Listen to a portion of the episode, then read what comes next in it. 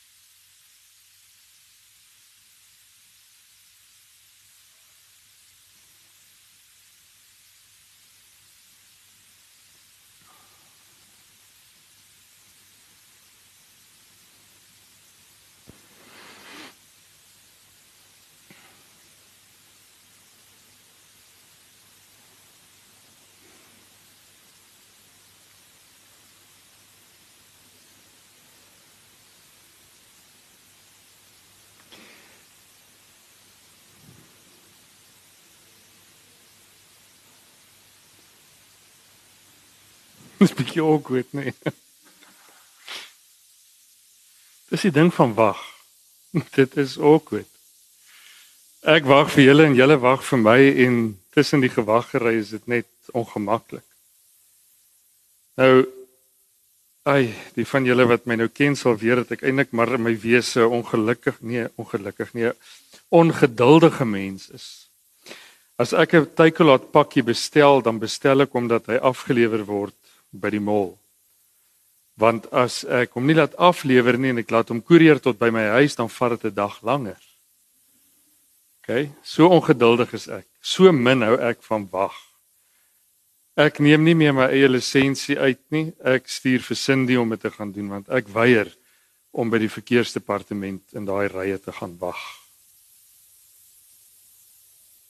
Ek hou nie van wag nie. En ek vermoed die kans is baie goed dat jy ook nie baie van wag hou nie, want dis awkward, dis nie lekker nie. Dit voel vir ons wag is 'n 'n slegte mors van tyd. Want ons dink wanneer ons wag is ons onproduktief. Want terwyl ons wag gebeur daar niks en daar kan nie niks gebeur in 2022 nie. Jy moet doen, jy moet werk, jy moet aanskaf, jy moet organise. Maar jy moenie wag en niks doen nie. Maak ons ongemaklik want ons wil dinge sien gebeur. Ons wil iewers heen ten minste met iets op pad wees.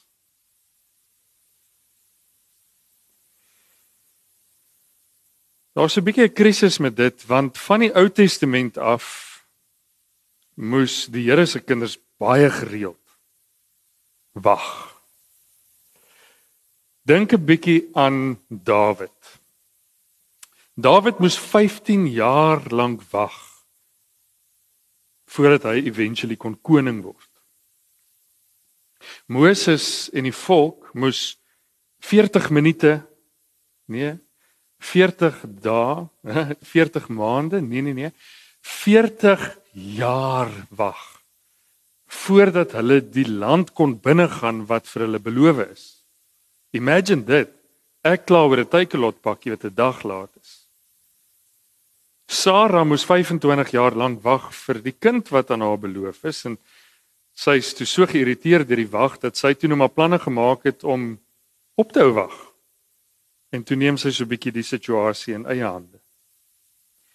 Wanneer ons die Ou Testament veral lees en ons kyk byvoorbeeld na die Psalms, lees ons so gereeld veral hier na die einde van die Psalm toe, die woorde wag op die Here Israel. Kyk dan lees ek daai Psalm dan dink ek, "Wow. Hier gebeur dinge. Hier's die Here besig om 'n groot move te maak. En hier gaan nou iets ongeloofliks mooi gebeur." En dan lees ons op die einde, "Wag op die Here Israel." Breek 'n bietjie mense spoed. In die Nuwe Testament het iets gebeur waarvoor mense eeue dekades leeftye gewag het en dit was dat die Messias sou kom. Van kleintyd af hoor kindertjies my kind eendag gaan daar Messias gebore word. Dis die profete wat so voorspel en die profete sê wat God sê hulle moet sê sodat dit moet waar wees. Maar hier gaan 'n Messias gebore word en hy gaan ons Israeliete gaan hy weer oprig. Ons gaan weer die die volk word. Ons gaan die baase wees. En so word daai kind groot in sy lewe met hierdie verwagting, hierdie ding waarna hy uitsien en hy wag dat dit gaan gebeur en al wat gebeur is niks. Hierdie kind lê later op sy sterfbed 85, 95, 100, 120 jaar oud en dit het nie gebeur nie. En dan moet sy kleinkind maar weer wag. Maar toe eventually, kom ons rond dit nou maar af 2000 jaar gelede, kan hulle toe nou ophou wag. Want toe breek dit aan waarvoor hulle leeftye meervoud wag. Hierdie Messias word gebore. So 'n bietjie odd want hy word in 'n stal gebore, nie in 'n paleis nie, maar okay. Ten minste is die wag nou verby. So hierdie koninkryk wat saam met hierdie Messias kom, gaan nou opgerig word. En later begin hierdie koning in wording vir hom disippels nader roep. Hulle begin hom volg, hulle los hulle besighede, hulle werke, hulle los hulle families, hulle begin hom volg want hulle wil deel wees van hoe hierdie ding waarvoor hulle so lank gewag het uiteindelik realiseer. En dan voordat dit realiseer, spyker hulle hierdie Messias aan 'n houtkruis vas en hy blaas sy laaste asem uit. Waarvoor het ons gewag? En dan gaan hulle in rou en sak en as daai naweek, maar die Sondag is die graf leeg. OK, wag wag wag wag. Miskien moes ons net nog hierdie naweek gewag het. En dan gebeur daar niks. Hierdie koninkryk word nie gebou nie. Hierdie Romeine word nie oorwin nie. Nou nou wag ons maar weer. En dan vir 40 dae lank verskyn hierdie Messias met tye aan die disippels en hy praat met hulle oor die dinge van hierdie koninkryk. En hy verduidelik vir hulle wat se koninkryk dit is, hoe dit werk, hoe dit anders is as wat hulle verwagting is. Ons lees in Handelinge 1 vers 1 tot Lukas skryf sy eerste boek verder. Sy eerste boek was Lukas, dan sit hy dit voort in Handelinge. Hy rig dit aan Theophilus en hy skryf daar hier my eerste boek Theophilus het ek geskrywe oor alles wat Jesus gedoen en geleer het van die begin af tot op die dag van sy hemelvaart. Want Lukas vertel in Handelinge oor die 30 jaar na Jesus se lewe op aarde. Voordat hy in die hemel opgeneem is, het hy deur sy Heilige Gees beveel gegee aan die manne wat hy as apostels uitgekies het. Na sy dood het hy aan hulle met baie onbetwisbare bewyse getoon dat hy leef. In die loop van 40 dae het hy by verskeie geleenthede aan hulle verskyn en met hulle oor die dinge van die koninkryk van God gepraat terwyl hy toe 'n keer saam met hulle aan tafel was, het hy hulle beveel. Dis 'n imperatief. Jy moet dit doen. Hy het hulle beveel. Moenie van Jerusalem af weggaan nie, maar bly wag op die gawe wat die Vader beloof het. Soos julle van my gehoor het. So nou moet hulle weer eens wag. Johannes het wel met water gedoop, maar julle sal binne 'n paar dae met die Heilige Gees gedoop word. Toe hulle keer weer bymekaar was, nou begin hulle planne maak. Verstaan, hulle is nou moeg gewag. Hulle moet nou nog wag. Nou verstaan hulle nie hoekom wag hulle nie. Hulle wag nou om te hoor hoekom hulle moet wag. Toe hulle weer 'n keer saam met hom aan tafel was, het hulle vir hom gevra: "Here, is dit nou die tyd dat U die koninkryk vir Israel weer gaan oprig?"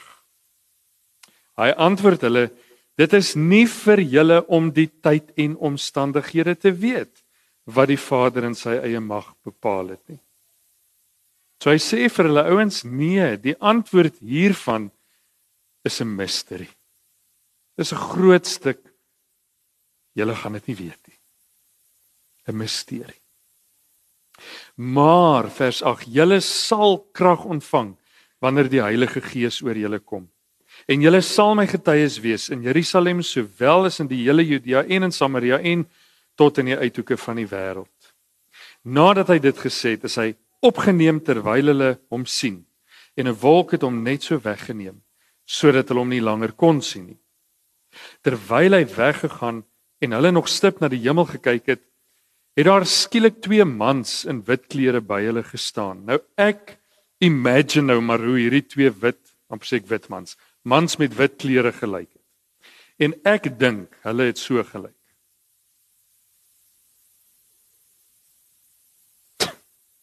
So belaglike uitdrukking op hulle gesig. Want die twee mans wat nou engele is, sê dan vir hulle: "Galileërs, waarom staan julle so na die hemel en kyk?" Hoor daai belaglikheid. Wat wat doen julle? Hierdie Jesus wat van julle af na die hemel toe opgegaan het, sal net so terugkom soos julle hom na die hemel toe sien opgaan het.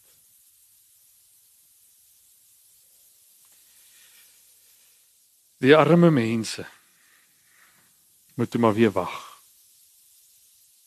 Vanaand is my vraag, hoe deel ek met wagtye in my lewe? Wat is die ins en outs van tye in my lewe waar ek gedwing word om te wag?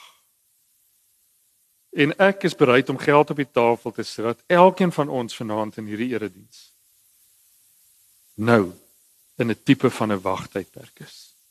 Te wag dat iets in plek moet kom, te wag dat dinge beter raak, te wag dat jy die lig meer sien, te wag dat die Here aan jou iets openbaar, te wag dat die Here iets in plek laat val, te wag vir wysheid, insig, kennis.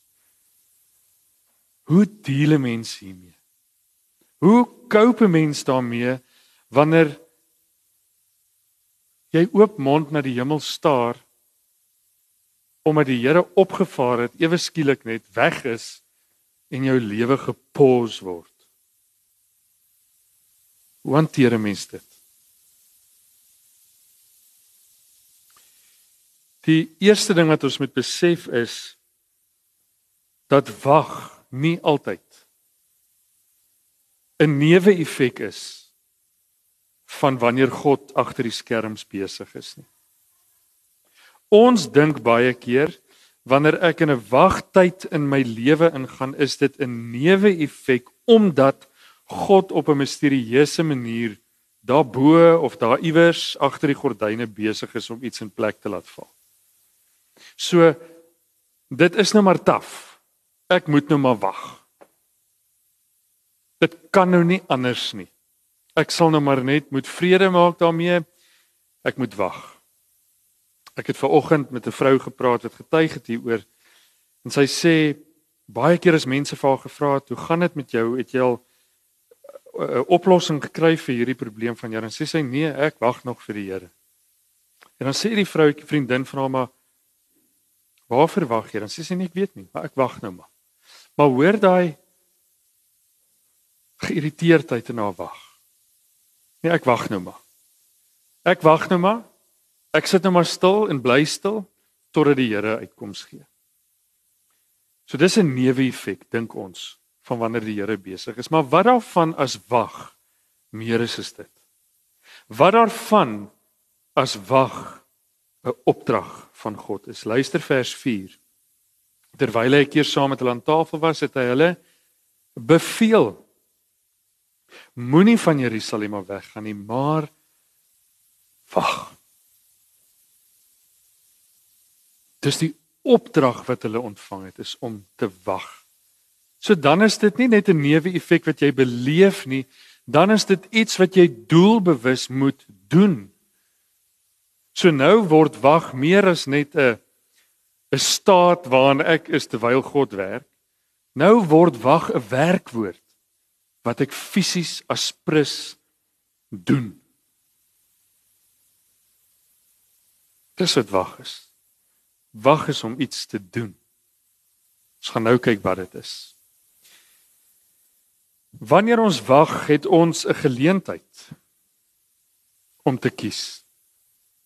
'n Geleentheid om te kies of hierdie wag vir my 'n curse of 'n gift gaan wees. Wanneer ek dink dis 'n curse, dan sê ek hierdie wagtyd in my lewe is nou 'n slegte tyd. Want nommer 1 het ons nou net vir mekaar gesê ons hou nie van wag nie. Ek het ver oggend in 'n daar in die gemeenskapsentrum met 'n groepie onderwysers en kindertjies gepraat en daar's so 'n 3-jarige dogtertjie wat heel voor gesit het. En toe ek nou by hulle ook so in die begin choop stil bly en hulle net so aankyk. Daai kinders was so ongemaklik. En toe staan so een dogtertjie. En al wat sy doen, sy wys my. Sy wys my, kyk vir my. En toe ek nou vir haar kyk, toe wys sy net vir my, gaan aan. Praat nou. Ek wil gaan ek wil gaan pouse hou. So die wag was nie vir haar lekker nie. Dit was vir haar 'n kus gewees. En ek moet eerlik wees, vir my is wag ook vir alles ek op die Here moet wag. Baie keer 'n kus, want ek wil weet waarmee hy besig en ek hou nie daarvan om nie te weet nie en ek hou nie daarvan om nie in beheer te wees nie. Dis 'n kus. Want dit is sleg. Of ek kan kies om te sê, weet jy wat, hierdie wag laat iets anders in my wakker word. Hierdie feit, die einste feit dat ek nie weet hoe God op hierdie stadium te werk gaan nie. Die feit dat ek nie weet wat die uitkoms gaan wees nie. Die feit, juis die feit dat ek nie kan sien hoe dit afspeel agter die gordyn nie, laat my net besef hoe amazingly groot hierdie God moet wees. Dat hy iets kan doen waarvan ek nie 'n klou het nie en ek is slim. Ek verstaan 'n paar dinge oor die lewe. Maar hier is God besig om 'n ding te doen wat bo my begrip en bo my verstand is. En as ek na dit kyk, kan ek nie anders as om net te sê, "Wow." Dan se die gift. Want dan word ek die gawe gegee om God se grootheid net weer opnuut te besef. So hierdie misterie kan of vir my sleg wees omdat ek nie beheer het nie. Of hierdie misterie kan 'n tool wees wat God vir my gee om te sê hallo kyk hoe groot is ek. So ek kies vanaand om eerder hierdie misterie as 'n gift te embrace. Sê ja Here ek weet nie waarmee u besig is nie. Ek weet nie wanneer hoe en waar u gaan uitweg gee nie. Maar juis as gevolg van dit moet ek vanaand bely dat u 100 maal groter is as wat ek ooit gedink het Dankie dat ek U my pa kan. Onthou julle, ag dit was baie jare terug. Waar daar klomp geld iewers in 'n staatsdepartement weggeraak het en toe hulle nou vir die minister vra, hoor hierso, what happened to the money? To say is remember to be honest we know. The answer is it it is a mystery. Dit is sy antwoord, it's a mystery embrace God se mystery as 'n gift nie 'n curse nie. Kom ons maak dit meer prakties. Hoe cope ek in so 'n tyd? Hoe maak ek met hierdie misterie? Hoe maak ek wanneer ek moet wag en nie 'n klou het wat gaan gebeur en wat ek moet doen nie? Wat is daai ding wat ek moet doen? Wat behels die doen in die werkwoord wag? Dit behels onder andere dat ek en jy moet teruggaan en weer moet gaan vasgryp aan die beloftes wat God vir jou en vir jou gegee het vir jou lewe. Die beloftes wat wat vir my uitstaan in my lewe verskil van elkeen van julle se. Daar's sekere beloftes wat God waarborg wat vir jou uniek baie van waarde is. Maar ons vergeet baie keer hierdie beloftes. In so wag tydperk is dit die beste geleentheid om onsself weer te herinner aan hierdie beloftes wat die Here vir ons gee. Ek sal jou nie verlaat nie. Ek maak jou voete so sterk soos die van 'n ribbok. Al daai beloftes gaan herbesoek hulle. Trek dit weer aan vir jouself. En jy gaan nou sien wat gebeur as ons dit doen. Vers 8 het die Here juist dit gedoen. Hy het vir hulle gesê, die omstandighede weet julle nie. Julle weet nie hoe die Vader dit in sy mag bepaal het nie. En dan gee hy vir hulle toe. Nou okay, hoe koop julle nou met hierdie misterie? Vers 8: Maar julle sal krag ontvang wanneer die Heilige Gees oor julle kom. Wat 'n belofte. So as ek vanaand sê gryp vas in die beloftes, is dit nie 'n teologie of 'n dogma wat dit sê nie, dis die Here wat so opereer. Wanneer die Here vir mense konfronteer met 'n stuk misterie en hy sien die uitdrukking op hulle gesigte en die benoudheid, dan gee hy saam met dit vir hulle belofte. Ouens, ja, hierdie is 'n misterie. Dit is gemoeilik wees om hiermee te deel, maar hier's vir jou belofte wat jou sal help om in hierdie wag, in hierdie misterie kop bo water te hou. Gaan besoek God se beloftes oor jou lewe. Beteken wag dat ons in 'n pause tyd staat in ons lewe ingaan? Nee. Ons het nou nou gesê wanneer God sê ons moet wag, sê hy ons moet gaan doen. So wat moet ons doen? Ons moet in wagtydperke ons wortels dieper en dieper laat skiet in God en in sy koninkryk en in ons verhouding met hom. Dis die perfekte geleentheid waar ons mind space en hart space gegeen word om nader aan die Here te kom. Dieper in die geloof, meer kennis van die woord, meer simpatie met mense, meer omgee met ons familie. In die laaste plek, wat is die effek dan van hierdie wagtye? Ons het nou gesê wag is nie maar net 'n toevalligheid nie, dis 'n opdrag. Die Here sit ons in 'n wagtydperk met 'n opdrag om iets te doen. Wat moet ons doen? Ons moet dieper groei in ons geloof. Hoe gaan ons dit regkry?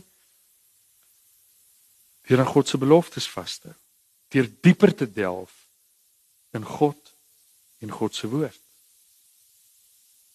En ons gaan in daardie stadium omdat ons dan so besonder afhanklik is van die Here iets beleef. Ons gaan beleef dat ons in 'n moeilike tyd soos 'n wagtyd op ons beste is. Op ons sterkste is.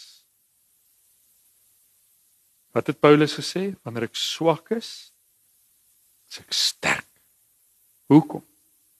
Want dit is wanneer ek swak is wat God se krag in my tot sy volle volle potensiaal kom. So dan is ek mos nou op my sterkste. Ook in hierdie wagtydperke is ons sterk. Gaan dit goed met ons? Want ons is besonder afhanklik van die Here. And that's a place to be. Vriende, in ons geloof is dit 'n gevaarlike plek as jy op jou voete staan. Op jou eie voete. That's not the place to be met ons geloof. As jy en ek is dood ernstig hieroor, as jy deur 'n dag gaan en voel, "Yes, ek het op my eie gekoop. I've got this." Dan sien gevaar. As jy vlieg, is dit een van die eerste goed wat 'n instrukteur jou leer. As jy land en daar was nie 'n oomblik waar jy amper in jou broek gedinge sit nie, moet jy nie weer in 'n vliegtyg klim nie. As jy deur 'n dag is sonder dat jy die Here nodig gehad het, is ek en jy op 'n gevaarlike plek. Ons is op die beste plek wanneer ons in afhanklikheid van hom wag op hom. Luister bietjie Jesaja 40. Van vers 28 af. Weet jy dan nie? Het jy nog nie gehoor nie? Die Here is die ewige God, skepper van die hele aarde. Hy word nie moeg nie. Hy raak nooit afgemat nie.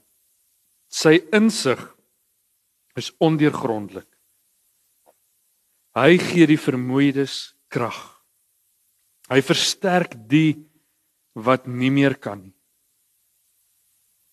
En hoor nou hoe radikaal maak word dit hier gestel. Selfs jong manne word moeg en raak afgemat. Selfs manne in die vleur van hulle lewens struikel en val. Maar en dan hierdie volgende sinnetjie het ek uit Hebreëus uit gaan vertaal want hy's nie reg vertaal in die 83 vertaling nie. Daar staan die wat op die Here wag kry nuwe krag. Hulle vlieg met arensvlerke. Hulle hardloop en word nie moeg nie. Hulle loop en raak nie afgemat. So wie is die die sterk ouens? Wie is die heroes? Is dit die jong manne met hulle energie en hulle krag en hulle stamina wat op hulle eie deur die lewe worstel en net battle en net go with the flow en gaan? Nee. Die heroes in God se verhaal is die wat weet hoe afhanklik hulle van God is. Saligsprekinge. Die heroes in God se verhaal is die wat op die Here wag. So as jy vanaand kon sê ja, ek is op hierdie stadium van my lewe in 'n wagtydperk. Ek wag dat die Here iets vir my in plek moet laat kry. Ek wag dat die Here iets aan my moet openbaar. Ek wag dat die Here vir my moet insig en wysheid en kennis gee. What a place to be. Jy kan vanaand hier uitgaan en by die huise fees gaan vier want jy is op die beste beste plek waar 'n kind van God kan wees. Afhanklik. Broos. Wagtend.